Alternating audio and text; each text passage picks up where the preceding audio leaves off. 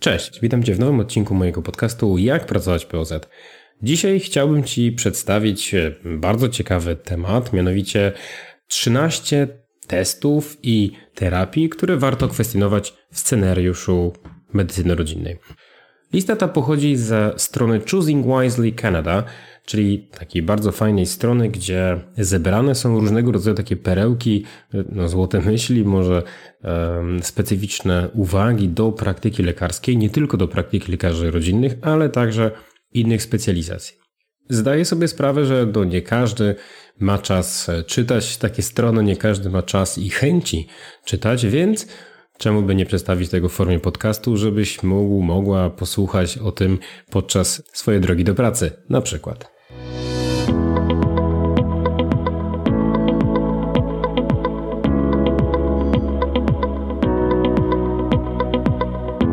Słuchasz podcastu Jak pracować w POZ, jedynego takiego miejsca w sieci, w którym odkrywam tajemnice i obalam mity na temat codziennej pracy specjalistów medycyny rodzinnej. Nazywam się Jacek Bójko i od lat wspieram kolejne pokolenia lekarzy POZ, dzieląc się wiedzą i pokazując, jak lepiej i bardziej świadomie opiekować się pacjentami. Papierologia w POZ, cała prawda o szczepieniach, diagnostyka bez tajemnic to tylko niektóre tematy, które przybliżę Ci w kolejnych odcinkach. Wspólnie przebrniemy przez zawiłości procedur medycznych i przekonamy się, jak to wygląda w praktyce. Chcesz poznać tajniki pracy w podstawowej opiece zdrowotnej? Zapraszam serdecznie.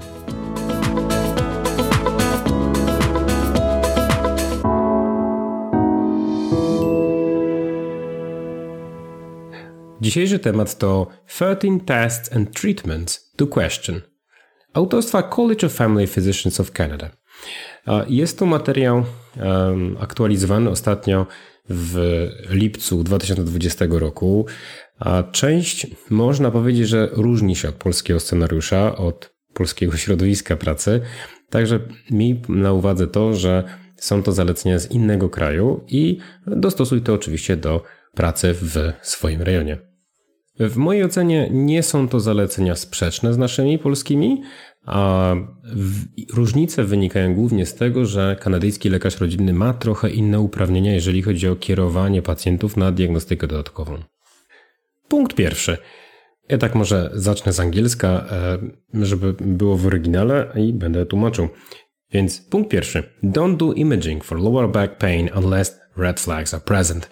Czyli nie prześwietlaj pacjenta w przypadku bólu dolnego odcinka kręgosłupa, jeżeli nie ma czerwonych flag. O czerwonych flagach mówiłem troszkę na niedawnym filmie na YouTubie. Polecam, sprawdź. E, chodzi o to, że w przypadku pacjenta, który nie ma czerwonych flag, ból, dysfunkcja kręgosłupa rzadko wynika z uszkodzeń strukturalnych, który, gdzie diagnostyka cokolwiek nam wniesie.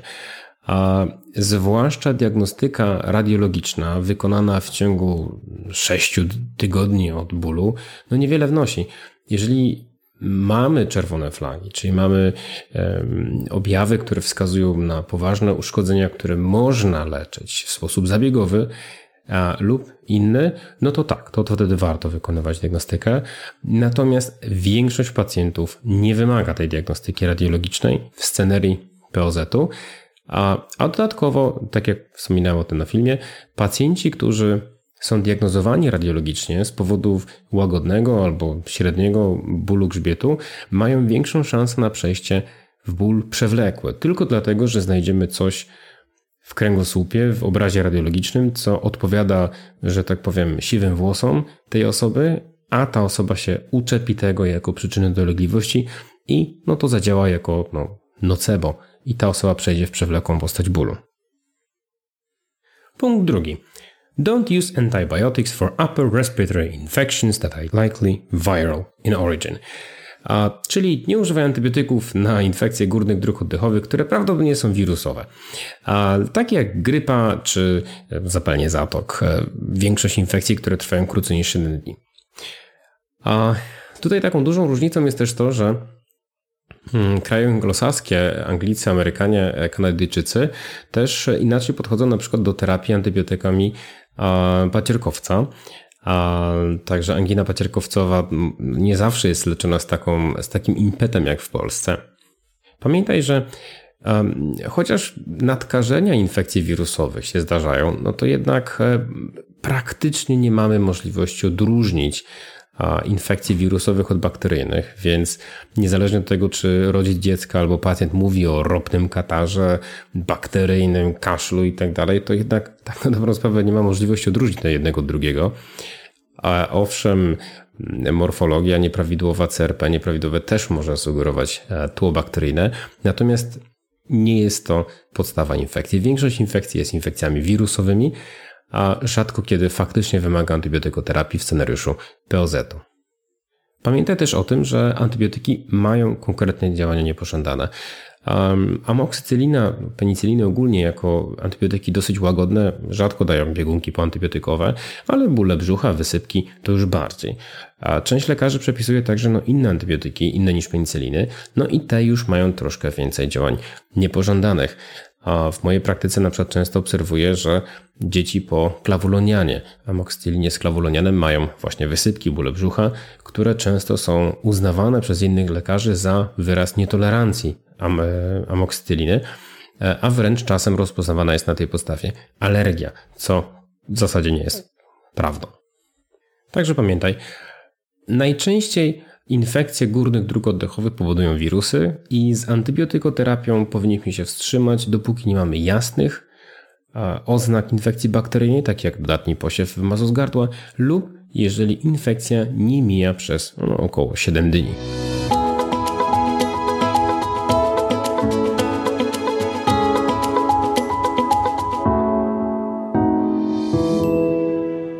Trzeci. Don't order screening chest X-rays and ECGs for asymptomatic or low risk outpatients, czyli nie zlecaj prześwietleń klatki piersiowej, nie zlecaj EKG dla pacjentów ambulatoryjnych o niskim ryzyku yy, lub w ogóle bezobjawowych. Yy, dlaczego? No, Prześwietlenie klatki piersiowej jest badaniem jonizującym, ma konkretne szkody, konkretne ryzyka i no nie chcielibyśmy, że tak powiem, przesiewowo whodować ludziom nowotworów tylko dlatego, bo e, chcemy zobaczyć, czy ktoś ma miażdżycę, czy przerost lewej komory. Podobnie EKG, jeżeli pacjent nie ma żadnych objawów, e, które wskazują na arytmię, czy cokolwiek, co moglibyśmy znaleźć tam, no nie powinno być zlecane. Mimo tego, że jest to badanie uznawane za no, tanie, na pewno jest bezpieczne. Pamiętaj o tym, że często w badaniach rentgenowskich w klatki piersiowej a, musisz liczyć się z wynikami fałszywie dodatnimi, a, czyli znajdziesz cokolwiek w klatce piersiowej, co jest niejednoznaczne, zwłaszcza w dobie covidowej, e, gdzie dużo ludzi ma jakieś zmiany w płucach po przechorowaniu COVID, no i teraz to dalej. No co, wszystkich zlecimy, wszystkich skierujemy na tomografię? Nie do końca. Także ogranicz zlecanie prześwietleń klatki piersiowej i EKG do pacjentów z konkretnymi objawami lub o podwyższonym ryzyku chorób, które możemy zdiagnozować i leczyć. No nie szafuj tym na lewo, na prawo, dlatego że fałszywie datni wynik przysporzy dalszych kosztów, dalszej szkody pacjentowi, a przede wszystkim dużo lęku. Punkt czwarty. Don't screen with pap smears if under 21 years of age or over 69 years of age. Czyli no, nie namawiaj pacjentek na cytologię, jeżeli są młodsze niż 8, e, 21 lat lub starsze niż 69 lat. Um, scenariuszu POZ-u w Polsce to nie jest jakoś strasznie mocne zalecenie, dlatego że lekarz rodzinny, no ogólnie rzecz biorąc, nie wykonuje tego i nie zleca tego. Natomiast lekarz POZ dostaje dofinansowanie, jeżeli pewien procent jego pacjentek lub jej pacjentek zostało przebadanych cytologicznie. Z tego powodu, e, jak już zachęcamy e, nasze pacjentki do cytologii, to trzeba pamiętać o tej przedziale wiekowym. Oczywiście w Polsce należy się kierować przede wszystkim zaleceniami Narodowego Programu e, Przesiewowego e, w kierunku raka szyjki macicy. I tutaj też trzeba pamiętać, że no jest to badanie refundowane, czy zalecane raz na 3 lata. E, no i tu właśnie Kanadyjczycy zalecają, żeby nie robić tego co roku, jeżeli wyniki są prawidłowe. Natomiast no, z mojego punktu widzenia, z mojego doświadczenia, bardzo wielu ginekologów zaleca, namawia, wykonuje cytologię u pacjentek bezobjawowych z prawidłową cytologią co roku. Czy to ma sens? No, myślę, że nie jestem kompetentny, żeby to komentować. Natomiast Kanadyjczycy mówią, że no, brakuje dowodów na to, by wskazywać na konieczność takiego corocznego badania, jeżeli poprzednie testy są prawidłowe.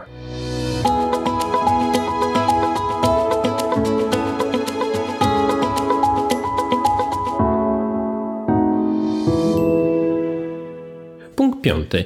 Don't do annual screening blood tests unless directly indicated by the risk profile of the patient. Czyli nie badaj pacjentów, nie zlecaj badań krwi co roku u pacjentów bezobjawowych, chyba że profil ryzyka to uzasadnia. No jest to na pewno dobra wiadomość dla ludzi, dla lekarzy, e, którzy mają pacjentów przychodzących mówiących, no ja się dawno nie badałem, chciałem zrobić. A więc no tutaj można się podeprzeć wytycznymi kanadyjskimi, że no nie ma objawów, nic się nie dzieje, nie badamy. Natomiast trzeba pamiętać, że ten risk profile, czyli no profil ryzyka pacjenta, to też na przykład to, że jeżeli ktoś jest otyły, ma nadwagę, powinien diagnostykę jednak mieć. Także pamiętaj, żeby uwzględnić wiek pacjenta, e, płeć pacjenta, czynniki ryzyka, czynniki środowiskowe, zanim podejmiesz decyzję o zlecaniu diagnostyki. Wiem, że trudno jest czasem odmówić pacjentom, którzy chcieliby się przebadać, natomiast tak jak wspominałem e, w innych filmach, potraktuj to jako dobrą okazję do zacieśnienia więzi z pacjentem, zadaj więcej pytań, porozmawiaj o tym, co motywuje do tej diagnostyki, co sprowadza pacjenta lub pacjentkę do ciebie. W ten sposób być może dowiesz się więcej. I będzie ci łatwiej porozmawiać o korzyściach, no i trochę ryzykach takiej diagnostyki, niż w sytuacji, kiedy po prostu ktoś przychodzi i chce. Także zaciśnij kontakt, porozmawiaj, poszukaj ryzyk, zapytaj się, czy pali, pacjent, ile waży, czy ma jakieś inne obciążenia zdrowotne i na podstawie tego podejmą decyzję, ponieważ osoby bezobjawowe, bez czynników ryzyka nie wymagają corocznych badań krwi w żadnym przypadku. Punkt szósty. Don't routinely measure vitamin D in low risk adults, czyli e, no, nie badaj stężenia witaminy D u pacjentów z niskiego ryzyka. Tutaj Kanadyjczycy są troszkę inaczej ulokowani niż e, Polacy, jeżeli chodzi o naświetlenie promieniami słonecznymi. Zakładają, że w zasadzie każdy wszędzie powinien mieć suplementację witaminy D3, dlatego że no, ta ekspozycja jest za mała, zwłaszcza podczas zimy. Także za wyjątkiem pacjentów, którzy mają poważną chorobę metaboliczną lub e, chorobę nerek, nie zalecają oznaczania witaminy D w sposób rutynowy. W Polsce, tutaj podam za medycyną praktyczną, taki fajny artykuł jest, e, także zaleca się, żeby e, w okresie zimowym suplementować witaminę D. Natomiast no, rozmawiając z pacjentami można po prostu powiedzieć, że jeżeli e, dieta jest urozmaicona i zapewnia pewną ilość witaminy D, e, to ktoś może tego deficytu nie mieć. Jeżeli nie chce łykać suplementów, tudzież leków z witaminą D, to może oznaczyć sobie stężenie witaminy D, żeby zobaczyć, czy tego kosztu i fatygi nie da się uniknąć. Punkt siódmy. Don't routinely do screening mammography for average risk women aged 40 and 49 aged 40 to 49, czyli nie zalecaj rutynowo screeningowej mammografii dla kobiet średniego ryzyka w wieku między 40 a 49. Trzeba pamiętać, że mammografia jest badaniem o pewnych e, korzyściach e, i pewnej czułości, swoistości, a natomiast no nie jest badaniem idealnym. Nieprawidłowe badanie mammograficzne potwierdza się w postaci nowotworu piersi w przypadku, z tego co kojarzę, jednego na 10. Także no nie jest to jednoznaczny wynik. Także trzeba pamiętać o tym, że grupa wiekowa jest ściśle określona i młodsze pacjentki no, nie są kandydatkami do badania mammograficznego. E, czy to jest istotne dla e, naszych lekarzy rodzinnych? No powiedziałbym, że nie jest to kluczowe, Dlatego, że jeżeli chodzi o badania przesiewowe, no to u pacjentek młodszych 40-49-letnich, które mają zwiększone ryzyko raka piersi, no to powinny być pod opieką poradni genetycznej, poradni genetyki onkologicznej i no, w stałym kontakcie z swoim ginekologiem. Także nie jest to zalecenie bardzo mocne dla naszych lekarzy rodzinnych.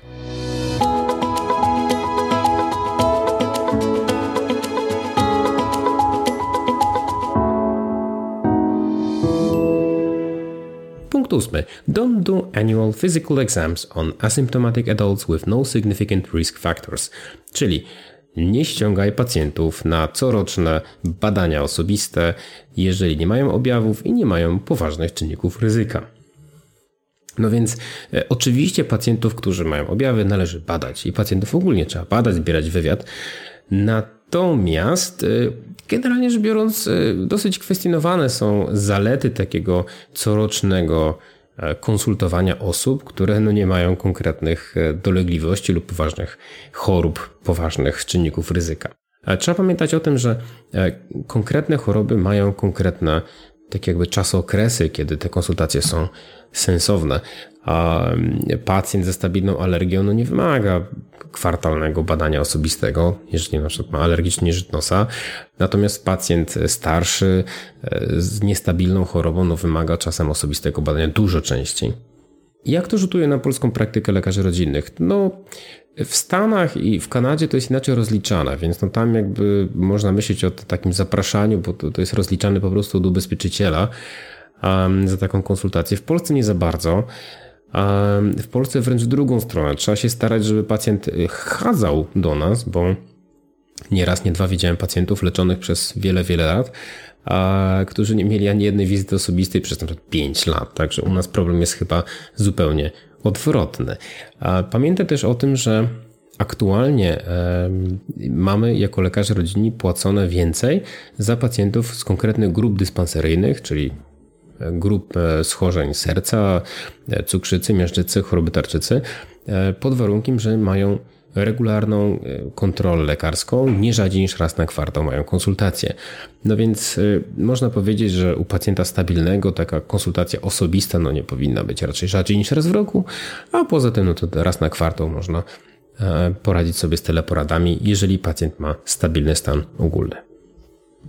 Punkt dziewiąty. Don't order DEXA screening for osteoporosis on low risk patients, czyli nie zlecaj densytometrii u pacjenta e, z niskim ryzykiem osteoporozy. W polskich warunkach oznaczałoby to, że nie wypychaj do ortopedy, reumatologa pacjentów z niskim ryzykiem osteoporozy na diagnostykę densytometrii albo no, nie zalecaj, e, nie zlecaj tejże densytometrii. A pacjenci, którzy skończyli 50 lat, są starsi, powinni mieć ocenę pod kątem czynników ryzyka osteoporozy z użyciem konkretnych narzędzi do oceny ryzyka osteoporozy. Takie możesz znaleźć w internecie. Widziałem, że są różne ciekawe. Natomiast y, no nie wysyłamy tak za, na lewo i prawo. No w, nasze, w naszym scenariuszu w naszej, e, naszym środowisku to głównie chodzi o to, żeby właśnie nie wypychać zbyt dużo ludzi do poradni ortopedycznych czy reumatologicznych na diagnostykę osteoporozy. Zwłaszcza jeżeli ktoś ma no, mniej niż 65 e, u kobiet, mniej niż 70 lat u mężczyzn i ma małe ryzyko osteoporozy. Punkt dziesiąty. Don't advise non-insulin requiring diabetics to routinely self-monitor blood sugars between office visits, czyli nie zalecaj pacjentom bez insuliny e, regularnego samomonitorowania stężenia glikemii pomiędzy konsultacjami w przychodni. No i teraz to jest taki, mm, taka ciekawostka, bo w Polsce zaleca się, żeby pacjent no jednak w zasadzie każdy z każdą cukrzycą się samo monitorował e, i badał glikemię krwiwośniczkowej. A w aktualnych wytycznych Polskiego Towarzystwa Diabetologicznego no stoi, że nawet pacjent, który nie ma leków hipoglikemizujących, powinien się raz na jakiś czas dziabnąć. Natomiast okazuje się, że pacjenci, którzy nie wymagają insuliny, a zwłaszcza nie mają leków hipoglikemicznych, no, szczerze powiedziawszy, nie mają korzyści z tego, że się regularnie dziabią po palcach, e, dlatego że no, i tak głównym kryterium wyrównania cukrzycy jest hemoglobina glikowana, więc no, tutaj wielu pacjentów pewnie się ucieszy z tego powodu, że nie ma konkretnych wskazań, nie ma konkretnych korzyści, które pacjent może odnieść z tego powodu, że kłuje się po palcach i zapisuje sobie te cukry. Oczywiście pewni pacjenci w pewnych podgrupach czasem mają to wskazanie, zwłaszcza jeżeli są pacjenci podatni na hipoglikemię po lekach hipoglikemizujących, ale być taki standardowy pacjent na metforminie raczej takiego wskazania nie ma.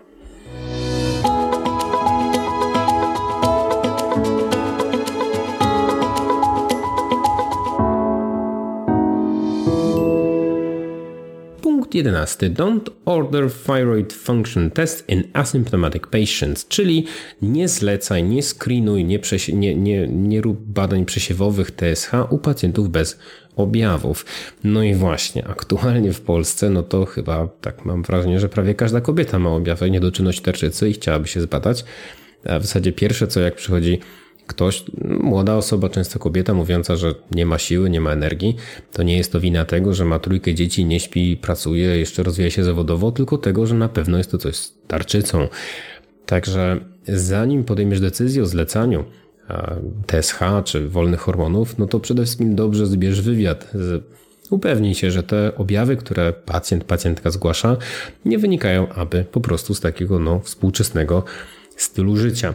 Ogólnie rzecz biorąc, kwestionowalne jest e, zlecanie tak, no, TSH i wolnych hormonów u pacjentów bez objawów wskazujących na chorobę tarczycy, dlatego że nawet niewielkie różnice um, mogą być po prostu normalne. Jeżeli pacjent wychodzi poza normę, no to wciąż może to być pacjent zdrowy, nie wymagający leczenia.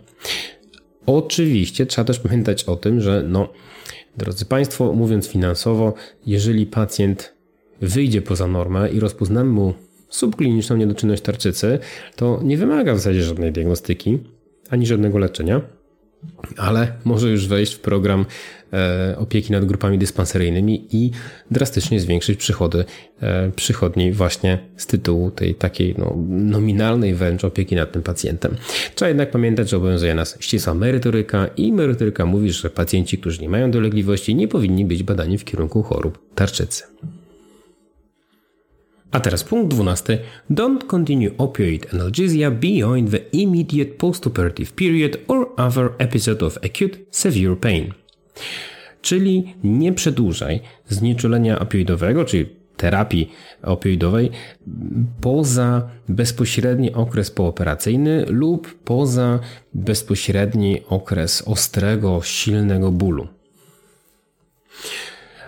Zazwyczaj tu Kanadyjczycy oceniają ten właśnie ten okres e, silnego bólu e, i okres pooperacyjny jako takie e, około 3 no, do maks 7 dni a zalecają, żeby przypisywać najmniejszą skuteczną dawkę, najmniej ilości dawek, żeby zaadresować tenże ból, czyli żeby go zmniejszyć. Naturalnie tutaj nawet zaznaczają Kanadyjczycy, że to nie dotyczy osób, które są już i tak leczone przewlekle opioidami. A dlaczego to jest istotne? W środowisku amerykańskim i kanadyjskim jest dosyć duża, no, tak zwana epidemia opioidowa. E, dosyć dużo jest osób uzależnionych od opioidów, jest to właśnie traktowane jako epidemia. W Polsce raczej, mam wrażenie, mamy problem z niedostateczną kontrolą bólu i ze zbyt rzadkim przepisywaniem opioidów. Więc wydaje się, że tutaj trzeba poszukać troszkę złotego środka. Natomiast jeżeli już przepisujemy opioidy z powodu ostrego bólu, to trzeba pamiętać o tym, żeby no, nie uzależnić pacjenta, nie przepisać mu tego na stałe. Doz, doz, dozować te dawki, dostosowywać okres stosowania i pilnować tego, żeby pacjent nie dostał tego, nie łykał jak cukierków do końca życia. No i ostatni punkt, punkt 13. Don't initiate opioids long term for chronic pain until there has been trial of available non-pharmacological treatments and adequate trials of non-opioid medications. Oh, Boże, ciężko to mówić. No więc nie wdrażaj opioidów a, do przewlekłego leczenia pacjenta z przewlekłym bólem, o ile wcześniej nie spróbujesz skontrolować tego bólu, kontrolować tego bólu e, dzięki środkom e, niefarmakologicznym, e, modyfikacji różnej mm, oraz modyfikacji stylu życia lub no ogólnie stosownej próby leków nieopioidowych. No, za stosowną próbę leków nieopioidowych no, nie zakładamy podania paracetamolu raz dziennie 500 mg, tylko no, trzeba się upewnić, że Daliśmy pacjentowi, pacjentce wszystkie leki, jakie mogliśmy. Spróbowaliśmy zmodyfikować czynniki modyfikowalne, zaadresowaliśmy problemy psychiczne, psychosomatyczne i jeżeli to zawiedzie, dopiero wtedy włączamy opioidy.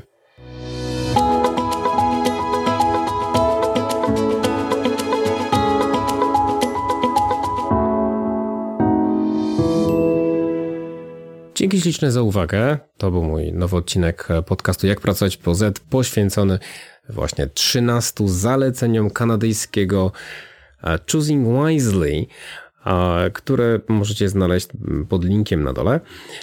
Mam nadzieję, że to było dla Was ciekawe. Polecam zapoznać się z tą stroną. Jest tam mnóstwo, mnóstwo innych zaleceń, które warto znać. To są takie bardzo praktyczne uwagi, bardzo zdroworozsądkowe e, i Amerykanie, i Anglicy, i Kanadyjczycy bardzo ciekawie właśnie analizują różnego rodzaju zwyczaje medyczne, dlatego że no, są zwolennikami takiej ścisłej merytoryki.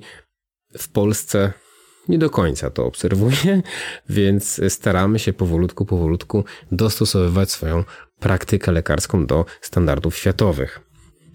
Wiele z tych zaleceń e, pojawia się także w moich kursach, w moich e, materiałach, e, jak pracować POZ. Myślę, że wiele z nich znajdziecie właśnie w moim kursie Najczęstsze dolegliwości w POZ, do którego Was serdecznie zachęcam. Także dzięki ślicznej, do usłyszenia. Dajcie mi znać, jeżeli Wam się podobało jeżeli są jakieś inne tematy, o których chcielibyście posłuchać.